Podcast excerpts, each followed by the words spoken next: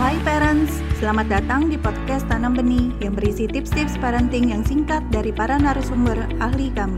Untuk mendapatkan tips-tips terbaru kami, follow podcast Tanam Benih. Yuk kita dengarkan bersama. Pastikan memang bukan karena dia takut atau segan ya. Namun, jika anak menjawab bahwa dia begitu karena dia takut atau sungkan sama temannya, maka orang tua harus mengajarkan Pertanyaan berikutnya datang dari Medina alias. Anakku 6 tahun laki-laki suka nurut sama teman, disuruh ambil ini itu mau. Mainan dia direbut pun dia malah cari aman, diambil mainan lain. Takutnya sampai besar begitu. Ya, padahal udah sering disounding untuk membela diri dan lain-lain, besoknya begitu lagi. Cara ngatasinya gimana ya?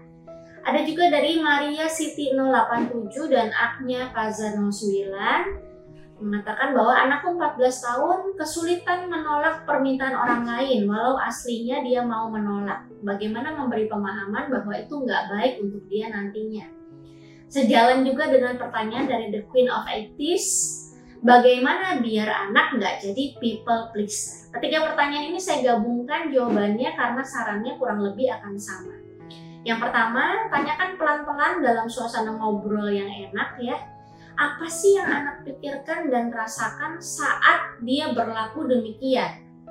Pastikan memang bukan karena dia takut atau segan ya. Jangan-jangan bukan karena cari aman, melainkan memang bahasa kasihnya anak kita ini act of service. Dia suka melayani orang, dia suka memenuhi keinginan orang. Dia merasa happy kalau lihat orang lain happy karena tindakannya dia. Ya, namun, jika anak menjawab bahwa dia begitu karena dia takut atau sungkan sama temannya, maka orang tua harus mengajarkan cara bersikap asertif. Apa sih asertif itu?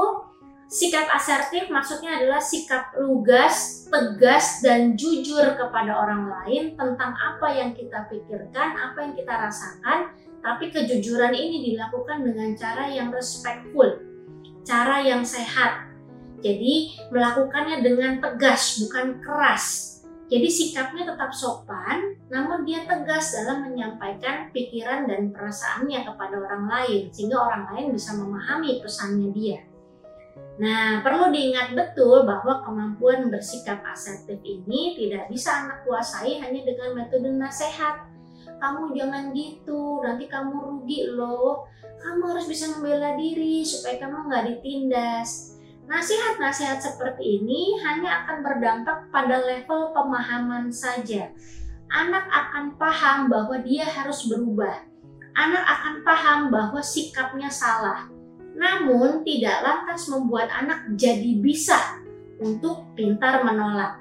Ya, harus mengajarkan anak bersikap asertif itu harus dengan metode latihan, latihan, dan latihan. Jadi latih anak bersikap asertif di dalam rumah, berlatih dengan papa, dengan mama, dengan saudaranya. Anak diajarin bagaimana menolak permintaan papa, anak diajarin bagaimana protes yang baik sama mama, anak diajarin bagaimana menolak keinginan adik yang uh, mungkin tidak sesuai dengan kemauan dia anak diajarin atau dibiasakan bagaimana mengutarakan unek-uneknya di rumah dan respon dari orang tua dan saudara itu harus positif. Positifnya bukan berarti diturutin, tapi pendapat dia dihargai, diterima, tidak lantas diolok-olok, tidak lantas dikomentari kamu diem aja seperti itu. Ya, Baru kemudian ketika anak sudah berhasil bersikap asertif dengan papa, mama, dan saudaranya, kita minta dia upgrade dia lakukan itu ke teman dekatnya ke lingkungannya di sekolah baru kemudian bisa ke uh, skala yang lebih besar ke keluarga besar ke orang uh, yang baru dikenal ke teman-temannya orang tua seperti itu sehingga lama kelamaan anak itu pun mampu tumbuh menjadi anak yang asertif Terima kasih telah mendengarkan podcast Tanam Benih. Jangan lupa follow podcast Tanam Benih. Tidak pernah ada kata terlambat loh untuk belajar.